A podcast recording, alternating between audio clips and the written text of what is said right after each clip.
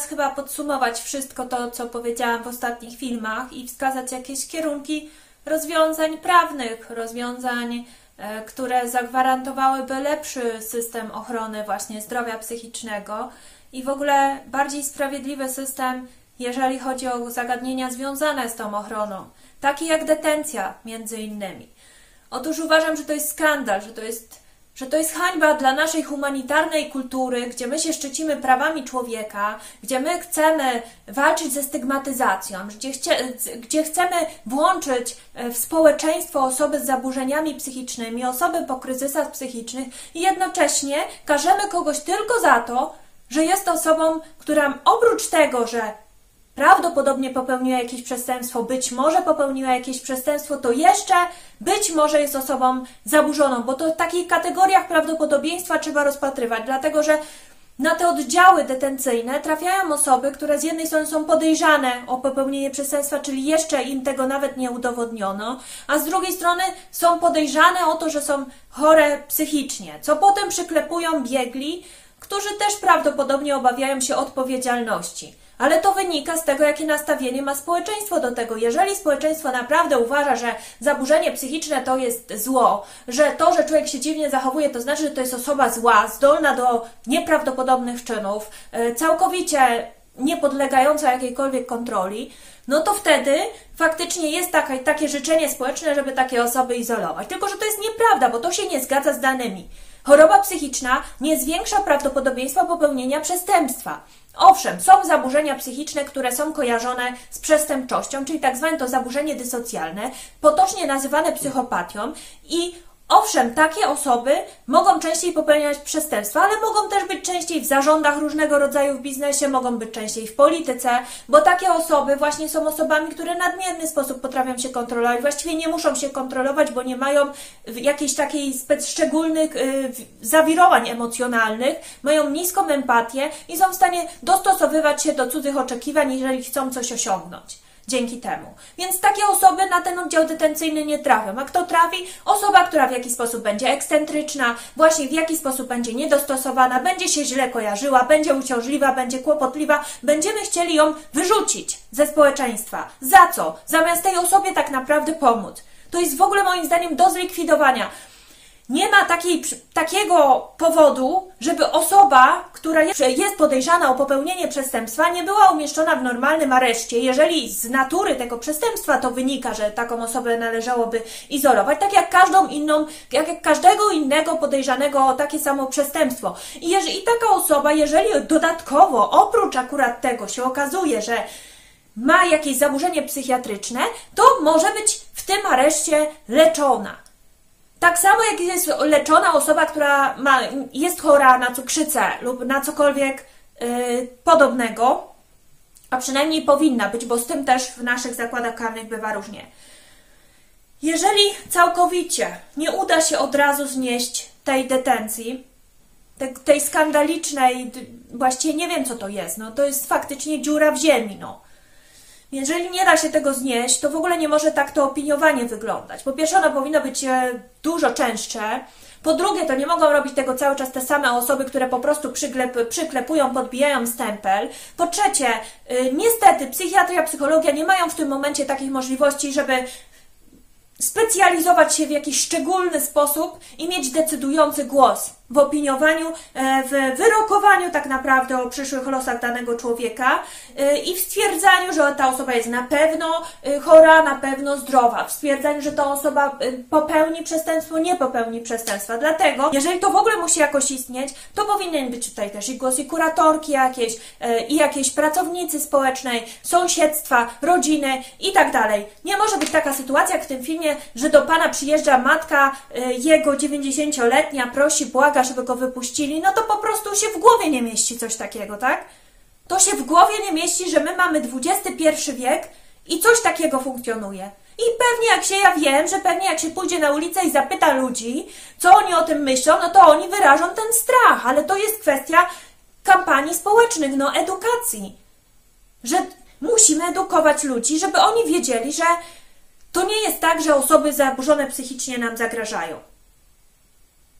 Kolejna kwestia, czyli biegli e, i ich opinie. W tym momencie nie ma, wbrew temu, co się niektórym wydaje, nie ma wiary, takich narzędzi, które umożliwiają tak naprawdę nawet 70% pewność w zakresie tego, co psycholog czy psychiatra mówi o osobowości człowieka. Nie ma.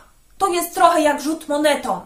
I, a już tym bardziej przewidywania rozwoju tych wypadków, przewidywania przyszłości. Niestety w tym momencie sędziowie się traktują to jako autorytet, tak, te, te opinie, no nie jest to dziwne, bo sami też no, wolą zaufać psycholożce niż e, samodzielnie próbować tutaj coś kombinować. Trzeba by było jakoś tak to zrobić, żeby ludzie mieli prawa, prawo do większej ilości opinii i jakieś procedury wprowadzić takie, że kiedy no jedna opinia jest na tak, jedna opinia jest na nie, no to może trzeba trzecią opinię, tak? Albo może opinię z jakiegoś innego, e, jakiejś innej y, pracownicy, nie wiem, społecznej, kuratorki, kogoś. No nie może być tak, że po prostu tymi opiniami będzie się ludzi krzywdzić, będzie się zanadto wpływać na ich życie. Psycholożka, nie mając e, że z jednej strony możliwości, z drugiej strony mając wysoki autorytet, będzie po prostu często skłonna do tego pewnie, żeby sobie nadużywać swojej władzy. Bo to jest władza, a niektórzy jeszcze mają takie absurdalne pomysły, nie mając chyba pojęcia o czym w ogóle mówią, żeby psycholodzy opiniowali e, na przykład polityków. No to już w ogóle może zrezygnujmy z tej demokracji. Zresztą już żeśmy trochę zrezygnowali. Zrezygnowaliśmy z wpływu na to i dzięki temu jesteśmy, podsuwa nam się odpowiednie treści, odpowiednie produkty, usługi, żebyśmy kupowali i żeby firmy, korporacje były szczęśliwe, zadowolone. My niekoniecznie. Ale to, jak widać na razie, nas nie interesuje, skoro yy, nikt nie protestuje, wszyscy ten stan akceptują. Na szczęście protestują niektórzy ludzie, jeżeli chodzi o opinie w sprawach chociażby rodzinnych i konfederaci robią na tym karierę, tworząc jakieś wyimaginowane syndromy y, dziecka, które jest narażone na brak kontaktu z, z rodzicem, które jest ograniczone pod tym względem. No absurd, bo no po prostu absurd, tak? To jest jakaś wojna z kobietami, a to nie o to chodzi. Chodzi o sprawiedliwość. Tak mi się przynajmniej wydaje. Należy tu przeprowadzić konsultacje i zmienić procedury tak, żeby ludzie nie czuli się pokrzywdzeni przez opinie różnego rodzaju ośrodków e, diagnostyczno-konsultacyjnych, czy jak to się teraz e, nazywa od 2015 roku. Kolejna część dotyczyła e, przede wszystkim no, konsekwencji braku ochrony prawnej dla osób, które korzystają z usług psychologicznych i psychoterapeutycznych. W całym tym kontekście tego, co pokazałam, też nikłej możliwości, nikłej skuteczności, no yy, podzieliłabym to na dwa obszary. Jeden to będą usługi właśnie psychologiczne, no takie jak na przykład biegłych. E, póki to w ogóle funkcjonuje, takie coś, no to oczywiście to musi podlegać e, rejestracji, to musi podlegać jakimś szczegółowym przepisom zawodowym i tu w ogóle nie ma o czym mówić. I przede wszystkim musi być jasno określona osoba, i kryteria, na podstawie których ktoś, kto czuje się poszkodowany, może się odwoływać, może dochodzić swoich praw. Być może potrzebne jest ubezpieczenie, takie ubezpieczenie obowiązkowe, jakie dotyczy na przykład y, lekarzy, kadry medycznej, podmiotów leczniczych. No i druga rzecz. E, która wyda się na pewno dość kontrowersyjna. To znaczy, ja uważam, że na dzisiejszym etapie, gdzie wykazuje się no, średnią skuteczność tych wszystkich interwencji terapeutycznych, niezależnie czy to są psychopedagogiczne jakieś, czy to są właśnie z obszaru na przykład y, terapii zaburzeń rozwojowych, czy to są jakieś e, kwestie właśnie bardziej typu psychoterapia rozumiana jako jakaś interakcja jeden na jeden, na przykład, czy grupowa e, z psychoterapeutą jednego z nurtów psychologicznych? E, czy to są delfinoterapie lub też inne podobne zabiegi o charakterze, trudno powiedzieć, rehabilitacyjnym, czy też to są różnego rodzaju coachingi, różnego rodzaju poradnictwo filozoficzne, różnego rodzaju poradnictwo życiowe, ezoteryczne, różnego rodzaju e, doradztwo religijne z egzorcyzmami włącznie.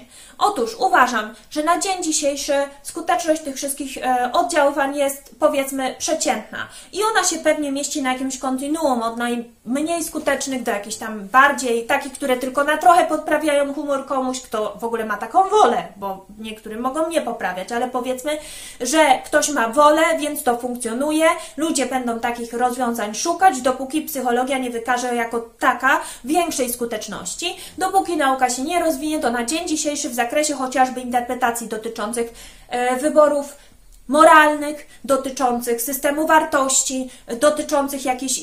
Ludzie też potrzebują jakiejś inspiracji w zakresie tego, co można zrobić nie tylko co mają zrobić, ale co jeszcze mogą zrobić w danej sytuacji. To jest chyba naturalna rzecz międzyludzka. E, niczego tutaj odkrywczego nie mówię. Dlatego co mogłoby zrobić e, państwo? Ja myślę, że tak. No, e, uważam, że trzeba by było wprowadzić jakiś obowiązek rejestracji tego typu usług. I rejestracja ta odbywałaby się również z przedstawieniem badań, które mówią o czynnikach ryzyka, o skutkach ubocznych, o szkodliwości. Czyli jeżeli chcesz sobie y, prowadzić jakieś działania w obszarze szeroko pojętej psychologiczno-duchowym czy pedagogicznym, to masz obowiązek po prostu wykazać, przeprowadzić być może, jeśli tak trzeba, jakieś badanie, które wskaże y, procentowo na przykład, y, prawda, jaki procent osób, które z tego korzystały, na przykład na tysiąc, miały jakie określone skutki uboczne, tak samo jak to funkcjonuje w przypadku leków. Każdy lek ma receptę i na tej recepcie jest y, napisane, że tam, nie wiem, jedna osoba na 10 ma takie skutki uboczne, jedna osoba na 100 ma takie i to jest normalna y, praktyka. Człowiek ma prawo do takiej wiedzy. I wtedy, ok, cokolwiek sobie robisz, to sobie to rejestruj i sobie to prowadź jako formie działalności jakiejś gospodarczej. I też uważam, że tutaj powinien być obowiązek podpisywania regulaminów, udostępniania też tej wiedzy, e, tego regulaminu, regulaminu wraz właśnie z tymi, e, z tą szkodliwością, udostępniania tego też między innymi, no albo na w widocznym miejscu w gabinecie lub też e, albo i również na stronie internetowej. No, to w jakiś sposób zwiększyłoby mam nadzieję, bezpieczeństwo ludzi, jednocześnie nie odbierając im wolności. No warto tutaj zwrócić uwagę, że też no, w praktykach medycznych też tak się dzieje, że dochodzi do różnego nadu rodzaju nadużyć. E, ostatnio był jakiś materiał w TVN-ie, że ludzi tam tru, truli, tak, jakimiś tam dziwnymi wlewami, nie wiadomo co im podawano na raka.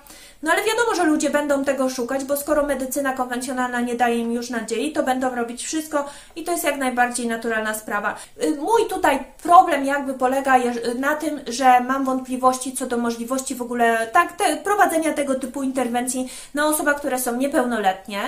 E, no, tylko że jeżeli pójdziemy tym tropem etycznym, to dojdziemy do tego, że właściwie nie wolno leczyć przymusowo psychiatrycznie również. Tak? Więc y, biorąc pod uwagę, że na przykład leczenie medykamentami jest podobnie skuteczne jak psychoterapia, a wszystko to podobnie skuteczne jak jakiekolwiek oddziaływania alternatywne, czyli również na przykład, nie wiem, hipoterapia na koniach, tak? No to jeżeli za, zabronimy e, tego, no to być może e, jeżeli zabronimy na przykład jakichś alternatywnych typu, na przykład egzorcyzmowanie, no to się okaże za chwilę, bo powiemy na przykład katolikom, że nie, tego nie możecie robić swoim dzieciom, dopiero jak one dorosłą mogą się na coś takiego z, zgodzić. No to równie dobrze pytanie, e, czy w takim układzie farmakoterapię można stosować też, dla mnie. E, I ja rozumiem, że to jest bulwersujące, dlatego że, e, że po prostu no, u nas jakby ten obszar duchowy stał się całkowicie zanegowany, tylko czy, czyli nasza teraz taka jakby współczesna kulturowa antropologia, no to mówi, że my jesteśmy ludźmi racjonalnymi. To pomija całą sferę w ogóle funkcjonowania ludzi i teraz od razu zaznaczę, ja też nie znoszę manipulowania, czyli mieszania jednego z drugim. Ostatnio też pojawił się taki artykuł wyborczy, gdzie zarzuca się e, Tokarczuk chyba, że ona właśnie tworzy taką epistemologię, czyli taki, taką wizję, gdzie właściwie powinniśmy powinniśmy trochę odejść od tej, e, tego racjonalnego myślenia naukowego do jakiegoś takiego nieokreślonego. No ona to tak jakby postmodernistycznie prezentuje. Ja tego nie lubię, bo ja uważam, że to właśnie prowadzi do manipulacji. Ja jestem za tym, żeby zaakceptować to, jaki człowiek jest i każdą część tego człowieka włożyć w odpowiednią zakładkę. Są różne obszary życia. Jest na przykład życie zawodowe i jest e, życie uczuciowe. I jakoś to mniej więcej y, potrafimy rozgraniczyć, i tak samo jest y, sfera na przykład wiary, różnego rodzaju, nie wiem, poszukiwania jakiegoś absolutu, czegoś, e, czegoś więcej, jakiegoś metafizycznego pierwiastka. Jest sfera y, wartości, ideologii, jest sfera, gdzie poszukujemy właśnie interpretacji, i jest sfera nauki, która ma nam dostarczać skutecznych metod y, pokonywania życiowych problemów. Przynajmniej ja w ten sposób naukę y, rozumiem. Negowanie tego to jest zazwyczaj próba zmuszenia ludzi do tego, żeby oni żyli wszyscy jak wycięci y, pod jedną linię, tak jak komuś tam się wydaje, że powinni. To jest po prostu nie fair i uważam, że to prowadzi do nieuchronnego konfliktu społecznego, do różnego rodzaju napięć, ponieważ no, ludzie szybko się orientują, że to jest hipokryzja. Po prostu. No to jest tak jak właśnie z tymi racjonalistami, którzy odchodzą faktycznie od religii, a tutaj potem się okazuje, że oni są w stanie uwierzyć w każdą możliwą e, interpretację, jeżeli chodzi o psychologię, tak? Czyli najbardziej absurdalną, e, typu ustawienia te Hellingera, czy jak to tam były, które właściwie, nie wiem, no to, to naprawdę bardziej wyrafinowana zdecydowanie jest ta koncepcja astrologiczna, ale ludzie e, rozgarnięci, ludzie wykształceni, e, ludzie z sukcesami byli w stanie w to uwierzyć, więc po prostu potem y, z kolei taki katolik, który jest ciągle rugany, że on tu wierzy w jakieś bzdury, no to patrzy na to i myśli sobie, no faktycznie, więc y, hipokryci. No, no dlatego no, nie ma sensu po prostu, tak jak była też sytuacja, że próbowali ingerować w to, że na listę zawodów wciągnięto wróżkę czy tam kogoś. No dobrze, no ale to co chcecie, żeby podatków nie płacili? Ja nie rozumiem tego, tak? Że to nie państwo jest od tego, żeby ustalać. No ludzie mają takie potrzeby, bo mają potrzeby podzielić się też właśnie, porozmawiać z kimś i to też sobie u takiej wróżki załatwiają. Mają potrzebę regulować sobie emocje, mają potrzebę inspiracji, mają potrzebę dowiedzieć się, jak żyją inni, mają potrzebę e, dowiedzieć się, jakimi wartościami się mogą e, kierować i tak dalej. Więc i nikomu nic do tego. No przynajmniej ja uważam, że nie żyjemy w państwie totalitarnym, ale też należy przed jakimiś grubymi nadużyciami zabezpieczyć trzeba ludzi, uświadamiać, prowadzić kampanię społeczną. Uważam, że w takim regulaminie usług mogłoby być na przykład określone też obowiązkowo, ile, jak jest minimalny i maksymalna, ma, minimalna i maksymalna ilość wizyt, po jakim czasie maksymalnie musi coś zadziałać i wtedy zapobiegalibyśmy temu, żeby ktoś e, był na przykład wykorzystywany finansowo, prawda, naciągany, będąc w biedzie. Łatwo o to, żeby ktoś po prostu e, no, wyłudzał pieniądze. Temu chcemy przeciwdziałać. Być może właśnie też te obowiązkowe ubezpieczenia powinny też i takie y, jakieś, nie wiem, na przykład religijne porady obejmować, bo czemu by nie?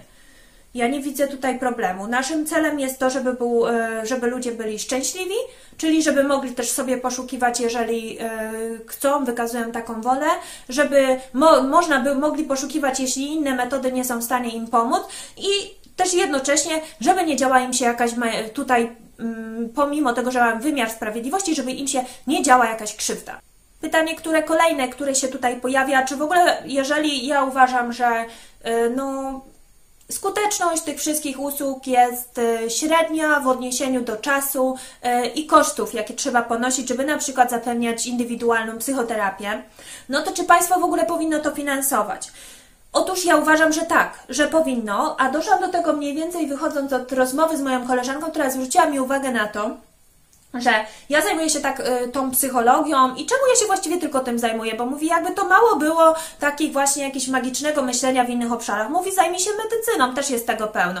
Ja faktycznie przypomniałam sobie, że jako trenerka na przykład sprawdzałam wyniki badań y, dotyczących metod y, poprawy terapii, metod terapii nietrzymania moczu u kobiet. To jest bardzo taki modny temat w fitnessie. No i oczywiście tam było, że tam różne są hormony, są lasery, e, są e, jakieś e, różne tam magnesy i inne tego typu, no ale wiadomo, że działa tylko kinezyterapia, czyli trening właśnie. I potem też porównywałam w innych jeszcze kiedyś, już, już nie pamiętam, ale też tam zawsze było, no owszem, to wszystko, jakieś tam różne cuda, błota, masaże, ale tak naprawdę efektywność tego, zresztą też na szkoleniach tak mnie uczono, uczono z, z fizjoterapii, że to nie szczególnie jest e, skuteczne, ale to się ludziom daje, bo to im poprawia po prostu komfort. No nie wszyscy mają motywację do tego, żeby ćwiczyć. Czasem no, bardzo im się tego nie chce robić, nie ćwiczyli całe życie, kiedy już ich wszystko strasznie boli, też nie chcą nadal tego robić, więc wolą wierzyć, że e, coś im tam pomoże. No, w związku z tym traktuje się to jako taką miękką formę, no nie wiem, e, wsparcia właśnie trochę psychicznego, że tutaj tak od tej psychologicznej strony im się trochę poprawi jakość życia. To samo mówi moja koleżanka fizjoterapeutka, że po prostu no już im przepisuje, jak oni tam chcą, ale tam generalnie to im przepisuje kinezyterapię i coś na zachętę na przykład, na takiej zasadzie, prawda? Mamy uzdrowiska, gdzie są błota, gdzie są właśnie jakieś tam prysznice, dziwne hydroterapia i inne tego typu rzeczy, dźwięki, bo to mnóstwo tam próbowali zastosować, magnesy, tak? E, w fizykoterapii, ale to generalnie wykazuje w większości przypadłości nikłą skuteczność, ale się to po prostu finansuje. No. E, I tak samo, tym bardziej, jeśli mamy niewielkie możliwości w zakresie zdrowia psychicznego, tym bardziej no, powinno się to jednak utrzymywać. Dobrze, że dzieją się, dzieje się reforma, że teraz się będzie zmierzało do tego, żeby zamknąć w ogóle szpitale psychiatryczne, powstają te centra zdrowia psychicznego e, i myślę, że tam przy tych centrach jak najbardziej takie formy takiej no, szeroko pojmowanej, nie wiem, no, relaksacji, tak by to można określić, mogą sobie funkcjonować. Ja zresztą kiedyś przeprowadziłam sama taki, taki jakby mały wywiad, można to określić. Znaczy ja się przygotowywałam, bo myślałam o tym, że można by było trochę pomóc ludziom, na przykład chorym na schizofrenię e, w w tym, żeby pożyli trochę dłużej, bo żyją średnio 20 lat krócej i pomyślałam, że właśnie tutaj zastosowanie jako terapii też, no, kinezyterapii po prostu, czyli treningu, no mogłoby trochę wpłynąć, jeśli nawet nie na objawy e, zdrowia psychicznego, no to na, na to właśnie na, na całą resztę e, kwestii zdrowotnych. Mm, chociaż badania są takie, że no ta terapia ruchem tak też poprawia w jakiś tam sposób, no nie, nie bardziej niż inne. Ale stan y, tutaj, jeżeli chodzi o zaburzenia psychiczne też, a jeszcze y, przypomnijmy, że niedawno wszyscy się zarzekali, wszędzie mówili, że y, depresji nie leczy się pobieganiem sobie. Otóż teraz już na stronie głównej WHO też już jest napisane, że no się leczy, tak? Jeżeli biorąc te kryteria. Natomiast no ja tutaj też nie mam wielkich złudzeń, ale dobra, do sedna, bo y, trochę dygresję zrobiłam. Chodzi o to, że wysłałam do chyba 120 szpitali y, i oddziałów psychiatrycznych, które miały, za, były zakontraktowane z NFZ-em chyba pod koniec 2018 roku, y, takie wniosek o informację publiczną. Y, trochę, trochę to głupio wyszło, no bo ja po prostu pomyślałam, co ja będę ich tam prosić, jak oni mi te dadzą, ja jestem w ogóle poza uczelnią, jakby, no jak ja to zbadam, no bez sensu trochę, no to trzasnęłam miałam wniosek, po czym doszłam, że chyba naprawdę muszę już tylko tym aktywizmem się zajmować, bo w nauce to ja nie wiem, e, czy, to będzie do zaakceptowania. No ale zebrałam nawet całkiem dużo mi odpisało, mniej więcej y, dowiedziałam się, jakie są średnie zarobki, jaka kadra, jaki personel jest zatrudniony, ile terapeutów zajęciowych, ilu psychologów, psychoterapeutów, jakie rodzaje psychoterapii, no jaka infrastruktura do ćwiczeń, bo to mnie głównie interesowało, ale mówię, jak już wysyłam, to wyślę ten. Od ponad 60 uzyskałam takie informacje. E, to tak e, z ciekawości. I się okazało, że faktycznie bardzo różnie to wygląda. Są takie oddziały, gdzie nie ma po prostu nic, i ci ludzie tam siedzą po prostu zamknięci jak jakieś, no pewnie w brudzie, smrodzie i ruinie, bo takie niektóre te szpitale są. E, a są takie, gdzie jest e, terapia z kotkami, muzykoterapia, e, taniec i nawet całkiem nie, nieźle właśnie terapia ruchowa rozwinięta. No różnie to wygląda. Uważam, że to powinno zostać przynajmniej do czasu, aż nie opracujemy czegoś lepszego, ale żeby coś zaczęli pracować nad czymś lepszym, to trzeba trochę odczarować, stonować nastroje wokół tego, co jest, bo jest po prostu przeszacowane.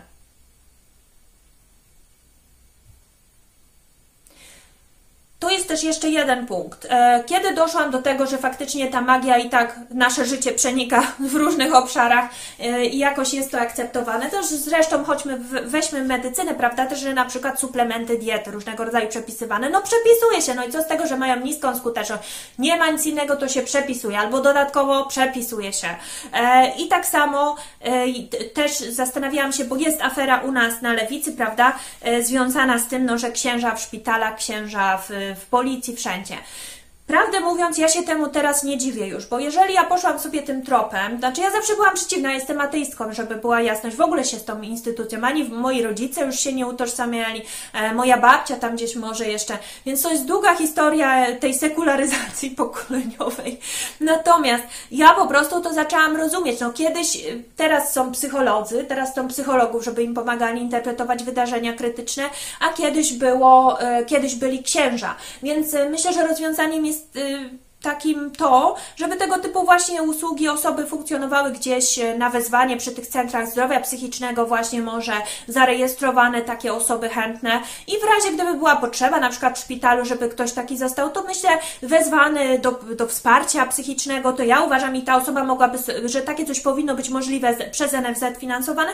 I tylko, że nie na stałe, no bo to bez przesady, nie zatrudnimy raptem takiej różnorodności kulturowej, nie zapewnimy, że będziemy mieć dla każdego y, wsparcie filozoficzne, psychologiczne, katolickie, prawosławne i na przykład muzułmańskie, tak? No, nie jesteśmy w stanie takiej różnorodności zagwarantować pewnie, no jest to bez sensu też być może, bo nie każdy, prawda? Więc tutaj takie osoby mogłyby sobie funkcjonować, tylko to znowu wymaga tolerancji, bo jeżeli ktoś ma dostać szału, bo on uważa, że ludzie są całkowicie pozbawieni pierwiastka mm, magicznego i, i, i że my powinniśmy to tępić i z tym walczyć, no to, no, no, no to będzie ciężko, tak? Trzeba jakąś debatę, może nie wiem, nad tym, co może współczesny człowiek, jakie potrzeby ma człowiek. Ja dam taki przykład. Na grupie osób, które są bliskimi osobami osób chorujących, są opisywane traumatyczne przypadki. I jedna osoba na przykład pyta o egzorcyzmy i mówi, zabiło się jedna osoba w rodzinie, druga osoba w rodzinie, dziesiąta, tak? Ileś tych osób? I ta osoba się zastanawia, czy egzorcyzmy jej pomogą. A co ma jej, przepraszam bardzo, pomóc? No tak realnie się nad tym zastanowić. Co ma psycholog ma przyjść i powiedzieć? Co ma powiedzieć? Przecież to nie jest pytanie o to, yy, nie wiem, to nawet co może powiedzieć nauka? No, częściowo to jest u Was uwarunkowane genetycznie, no chyba, żeby ją przerazić bardziej, że za chwilę jeszcze kolejne osoby albo ona sama, tak? Mm, a częściowo środowiskowo, ale tak w sumie to trochę nie wiadomo co i jak, może się, nie wiem, zrelaksuj, tak? To jest porada, y, kiedy osoba potrzebuje tak naprawdę odpowiedzieć sobie, przeanalizować choćby z kimś, żeby sobie samodzielnie odpowiedzieć na pytanie, czemu spotyka to właśnie mnie. I to równie dobrze może sobie robić moim zdaniem z księdzem, z filozofem, z kimkolwiek, tak? Więc no tak to wygląda, tak? To są pytania, na które nie odpowie nam nauka. Nauka nam może powiedzieć, że powinniśmy myć zęby tyle razy w ciągu dnia, jeść to i tamto, e, ćwiczyć i nie palić, ale nie odpowie nam na pytanie, czy warto. Czy warto to robić? No i tak, e, przede wszystkim też e, tutaj mówiłam prezentowałam te badania 50 lat nad y, zapobieganiem samobójstwom i samookaleczeniom. No to już są naprawdę duże wyniki, y, mówiące o tym, że po prostu specjaliści nie są w stanie tego robić, ale mamy duży problem, coraz więcej osób się źle czuje. W związku z tym ja uważam, że trzeba otworzyć zawody. Przede wszystkim krótsza, szybsza specjalizacja dla osób po innych specjalizacjach medycznych ułatwienia w tym zakresie, różnego rodzaju zachęty. Następnie uważam, że można by było otworzyć kierunek, który byłby kierunkiem nie psychologią. Może niech oni się skupią, ci psycholodzy, najpierw na udoskonaleniach w zakresie choćby tej społecznej, bo wszystkiego razem chyba nie ogarną. Więc ja myślę, że y, kierunek typu, no nie wiem, y, praktyka psychopedagogiczna, tak to sobie tutaj określiłam. I taka osoba, tak jak fizjoterapeutka, właśnie wzorując się na programie tych studiów, miałaby przede wszystkim przez cały okres tego studiowania praktyki, każdego semestru obowiązkowe praktyki, praktycznie od pierwszego roku do piątego i później mogłaby e, pracować bardzo szeroko, być psychoterapeutką, gdzie przekazywano by na tych studiach tylko najlepsze, najbardziej efektywne metody, odrzucając wszelkie te bzdurne nurty, bo to nie, nie jesteśmy naprawdę w starożytności, żebyśmy tu jakieś szkoły e, stoickie, sceptyczne czy jakieś inne prowadzili, bo to po prostu e, śmieszne trochę jest. Przepraszam bardzo. W związku z tym po prostu państwowo by to było kształcone. Mogłaby prowadzić również, stymulować jakieś tam, mogłaby też koordynować różnego rodzaju grupy samopomocy, grupy wsparcia, pracować w ośrodkach szkolno-wychowawczych, pracować w ośrodkach resocjalizacyjnych, w jakichś domach dziennych, które przystosowują później osoby na przykład z niepełnosprawnościami do życia, czy osoby które y, przeszły proces resocjalizacji do, do życia na wolności. E, i też interwencję kryzysową. Uważam, że to by było całkiem ok. Oczywiście dodatkowo studia podyplomowe i szkolenia również finansowane z budżetu państwa dla osób, e, które właśnie chociażby inspirowane tą metodą Patela, czy tam Petela, przepraszam, e, który, który właśnie, o którym pisał Witkowski w tym artykule, że on opracował ten podręcznik najbardziej efektywnych metod szybkiego wsparcia dla nieprofesjonalistek, nieprofesjonalistów, czyli nie psycholożek, nie psychologów, ale na przykład mogłoby to być dla osób pracujących w ochronie zdrowia, mogłoby to być dla osób pracujących w oświacie. One kończyłyby tego typu kurs i mogłyby prowadzić na przykład gabinety pomocy psychologicznej w szkołach. No i oczywiście tutaj elementem właśnie dla mnie bardzo ważnym jest e, stymulowanie i koordynowanie różnego rodzaju grup, również internetowych, zachęcanie ludzi, promowanie tego typu rozwiązań. My nie jesteśmy e, My jesteśmy jako ludzie istotami społecznymi, tak się często mówi. Większość z nas naprawdę świetnie się odnajduje w relacjach e, z innymi. I nie jesteśmy jak z jajka, że musi za każdym razem specjalista, specjalista nadzorować, e, jak my, nie wiem, wchodzimy w interakcję z kimś, e, z grupą czy z kimś innym i możemy sobie sami takie wsparcie dawać, ewentualnie z jakąś osobą, tylko taką pełniącą rolę organizacyjną. Uważam, że to powinno być na pewno przez państwo w jakiś sposób promowane w ramach profilaktyki i e, edukacji, promocji zdrowia. Tutaj jest e, taki nurt, który się nazywa psychologia społeczności, który troszeczkę właśnie o tym mówi, o takim upodmiotawianiu. Trochę to się e, odnosi też do, tej, do tych kwestii antydyskryminacyjnych, aczkolwiek tutaj no, nie należy przesadzać, ponieważ kiedy przesadzimy w kwestii antydyskryminacji, tak filozoficznie przesadzimy tak naprawdę, bo inaczej to, bo prawdę mówiąc, e, jeżeli chodzi o psychologiczne przesadzenie z antydyskryminacją, to jest raczej trudno. Ale powiedzmy, że filozoficznie przesadzimy, to e, jakoś paradoksalnie zaczynamy wówczas jedną z grup dyskryminować. E, tak to jakoś działa. Zresztą to też jest bardzo znany, e, znany paradoks tej wielokulturowe, wielokulturowego społeczeństwa. No i następnie też takie coś, co Państwo może robić, czyli kwestie psychologii środowiskowej. Ja tu znowu, ponieważ ja zawsze myślę tylko jak optymalizować, jak osiągnąć największy efekt najmniejszym kosztem. Ja po prostu jestem tego wielką fanką, to wynika właśnie z kwestii sportowych. No, no po prostu, no wiecie, no ja chcę zrobić e, najwięcej w jak najkrótszym czasie, żeby mieć dużo wolnego i nie robić nic. No. E, w związku z tym uważam, że skorzystanie z tych badań dotyczących na przykład optymalnej dla dobrostanu psychicznego, dla jakości życia, infrastruktury, optymalnej aranżacji przestrzeni miejskiej, wiejskiej, wszystko jedno, tak?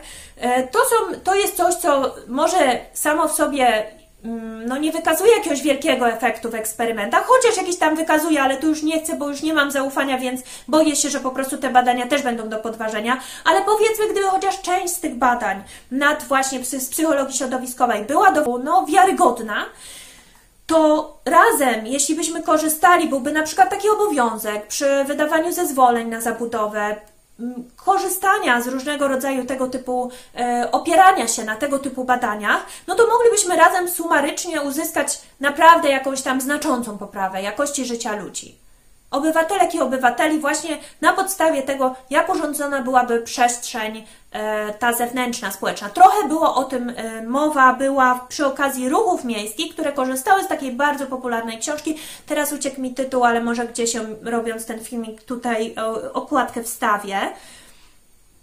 Właśnie, właśnie e, ruchy miejskie tam, o, szczególnie o zieleni, było sporo.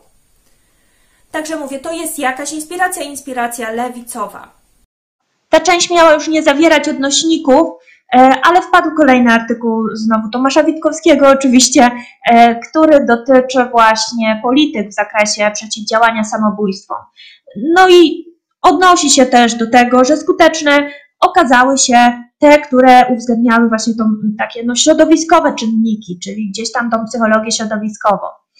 No choćby takie jak, ale też, no właśnie, wyeliminowanie toksycznych substancji, które powodowały w jakimś tam państwie świata duży problem, e, ograniczenie dostępu do broni w innym, e, problemy właśnie infrastrukturalne, czyli zamontowanie jakichś ostrzeżeń przy, e, przy mostach, przy barierkach, przy jakichś przejściach kolejowych. No tylko, że to wszystko jest mało romantyczne. To wszystko pokazuje, że człowiek to jest taki sak, że nie ma tam jakiejś wielkiej duszy, wielkiego problemu, który można razem, prawda, w tej relacji terapeutycznej tam analizować. No, że wszystko to się robi takie blade, no, takie słabe, takie pozbawione sensu. Dlatego ja się nie spodziewam, że wyjdzie polityczka i powie: Słuchajcie, mamy świetny pomysł, eksperci y, tutaj oszacowali, że o 50% osób mniej się będzie y, zabijać, jak przeniesiemy Wam sklepy monopolowe na obrzeża miast. Zresztą u nas w Polsce akurat PARPA to e, sugerowała, sugeruje od lat, e, że to może zmniejszyć ilość e, znacznie osób uzależnionych. No i co? Co ludzie zrobią?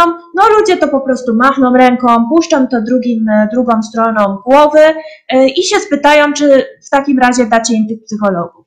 Niestety to, co jesteśmy w stanie zaakceptować, też wymaga długiej pracy. No ale to nie jest, jak widać, tak, że ta psychologia jest do niczego niepotrzebna.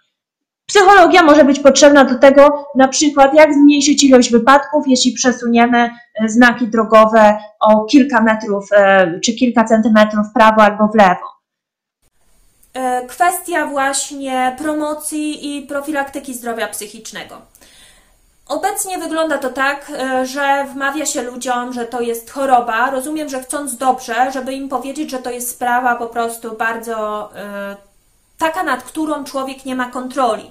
No więc, e, żeby nie zmuszać ludzi do jakiejś e, wytężonej i nieefektywnej walki z własnym kryzysem psychicznym, no to się próbuje ich zmuszać do leczenia, robiąc im być może często e, nieadekwatne do możliwości nadzieje na to leczenie. No wyobraźcie sobie, je, wiecie, ja jakby tą sytuację bardzo dobrze znam, tak? To znaczy, nie ma takich pieniędzy, które można by było w niektórych przypadkach włożyć, nie ma takiej infrastruktury, nie ma takiej dostępności, którą można by było włożyć w to, żeby komuś pomóc. Czasami tak niestety jest. Często w psychiatrii w tym momencie tak jest. No, jeżeli robimy ludziom nadzieję na to, że oni pójdą i wezmą sobie leki, będzie wszystko dobrze, no to trochę ich okłamujemy, tym bardziej, że sami na przykład psychiatrzy ktokolwiek w ostatnim czasie z moich znajomych nie mówił mi, że był i próbował jakieś leki wziąć, bo się słabiej czuł, to zawsze dostało też taką informację, ale proszę, jak tam yy, będzie cokolwiek nie tak, to proszę to odstawić. No bo właśnie były te wyniki, które mówiły, yy, na przykład w przypadku leków antydepresyjnych, że one jeszcze mogą zwiększać prawdopodobieństwo samobójstwa. Yy, jeżeli chodzi o schizofrenię, no mówię, no wielki procent też tych lekoopornych, wielki procent też w depresji. No, Dlatego ta sprawa jest y, bardziej płynna. Myślę, że trzeba by było po prostu jakoś uświadamiać w ten sposób, że, że człowiek też musi troszeczkę sta sam starać się zapobiegać kryzysom wielkim. E, starać się y, w jaki sposób też poszukiwać dla siebie optymalnej inspiracji, optymalnych sposobów regulowania emocji optymalnych sposobów w ogóle funkcjonowania, tak w życiu e, codziennym i w, relacjach interpersonalnych. I to jest bardzo ważne, bo kiedy już do takiego naprawdę dużego kryzysu dojdzie, to potem może być naprawdę ciężko e, z tego się wygrzebać. Jeśli, tu chodzi mi szczególnie o te e, mniejsze, o te mniejsze, które no, nie kończą się na przykład brakiem możliwości pracy. Jeżeli chodzi o te większe, to często też warto powiedzieć, że to po prostu jest jakiś rodzaj niepełnosprawności, to po prostu jest i dla niektórych czasami nie da się tego wyleczyć, ale można z tym żyć.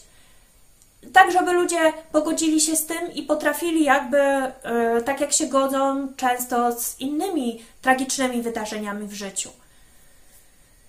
Nie ma sensu robić złudnych nadziei, mówić, że ta sprawa jest po prostu jak stryknięcie palcem i wystarczy tylko pokonać uprzedzenia i wszystko będzie ok, bo nie będzie. Tak, w wielu przypadkach niestety. Tak, myślę, że kampanie też, kampanie skierowane społeczne, edukacyjne, skierowane do bliskich tych e, osób chorujących, do nich samych, tak, też, że e, to byłoby coś wartościowego, mało tego jest. Teraz ostatnio mnóstwo się pojawia kampanii LGBT. Ja myślę, że no i z drugiej strony prawicowych kampanii, ja myślę, że, że to by było dobre, żeby trochę takich materiałów. Trochę się zaczyna dziać i mi się to bardzo podoba i to jest też świetny kierunek. E, Fundacja chyba F. E, faktycznie robi angażuje bardzo mocno osoby, które kryzysy przeżywały, przeży, przeżywają i to jest bardzo wartościowe, że to są ich świadectwa, to są ich słowa, a nie słowa osób, które są specjalistkami w tym zakresie. To też jest bardzo dobre. I tutaj w ramach otwierania zawodu to właśnie ten krok już też został e, właśnie uczyniony, ponieważ jest nowy zawód asystent zdrowienia, asystentka zdrowienia dla osób, które przeżyły własne kryzysy właśnie psychiatryczne. To jest krok w super stronę. Bardzo często nie potrzeba, myślę, niczego więcej, a przynajmniej nic więcej nie da lepszych rezultatów na dzień dzisiejszy właśnie trzeba tutaj raczej uważać na lobbying, bo ja starałam się sobie przy, przypomnieć, czy jest jakiś znany specjalista, specjalistka, który się zajmuje właśnie y, promocją badań psychologicznych, zajmuje się nauką i wypowiada się na ten temat psychologią, na przykład psychiatrią mediach, ale nie jest osobą, która praktykuje, która z tego żyje. No bo jeżeli, i właśnie nie mogę sobie przypomnieć, większość z tych osób, która siedzi od rana do wieczora we wszystkich kanałach telewizyjnych, jakie tylko są, w całym lifestyle'u, we wszystkich gazetach, od nie wiem, jakiegoś na żywo, tam mają swoje kąciki porad psychologicznych, e, przez, no po prostu w każdym, w każdym czasopiśmie od 30 lat, w każdym programie wypowiada się psycholożka, to w większości przypadków są osoby, które mają interes w tym, żeby ludzie korzystali jak najszerzej jednak z usług specjalistów, tak? I specjalistek, a nie do końca, żeby radzili sobie z tym sami. No to jest oczywiste i to jest całkowicie też naturalne, nie, nie żaden jakiś wielki tutaj, e, żeby to nie występowało w innych dziedzinach, bo występuje wszędzie. No i najważniejsze, może Polska mogłaby wreszcie w czymś być najlepsza i zainwestowałaby na przykład w rozwój sztucznej inteligencji, jeżeli chodzi o diagnozę i prowadzenie terapii. Jeżeli w tym momencie jest taka sytuacja, że sztuczna inteligencja potrafi manipulować nami jak chce w social mediach, y, prowokować nas do zakupów, zamykać nas w wrogich sobie bańkach internetowych, które ideologicznych, no i Podobno testy mówią, że jest w stanie dużo trafniej dokonywać oceny osobowości, dokonywać e, oce prawdopodobieństwa, nawet oceny prawdopodobieństwa rozwoju jakichś tam losów psychologicznych danej jednostki, no to chyba czas za- zacząć inwestować w to, e, żeby właśnie zacząć to po prostu używać, tak? To jest chyba, wydaje mi się, że to jest jakby naturalna sprawa i i ja po prostu myślę, że można zacząć od jakiegoś rodzaju badań, e, takich e, po prostu testów. Mamy NFZ, robi się badania screeningowe, przesiewowe, różnego rodzaju. No można zacząć tutaj szero, szeroko, po prostu na dużych grupach testować e, zwyczajnie opiniowanie przez e, maszynę, przez tak zwaną sztuczną inteligencję.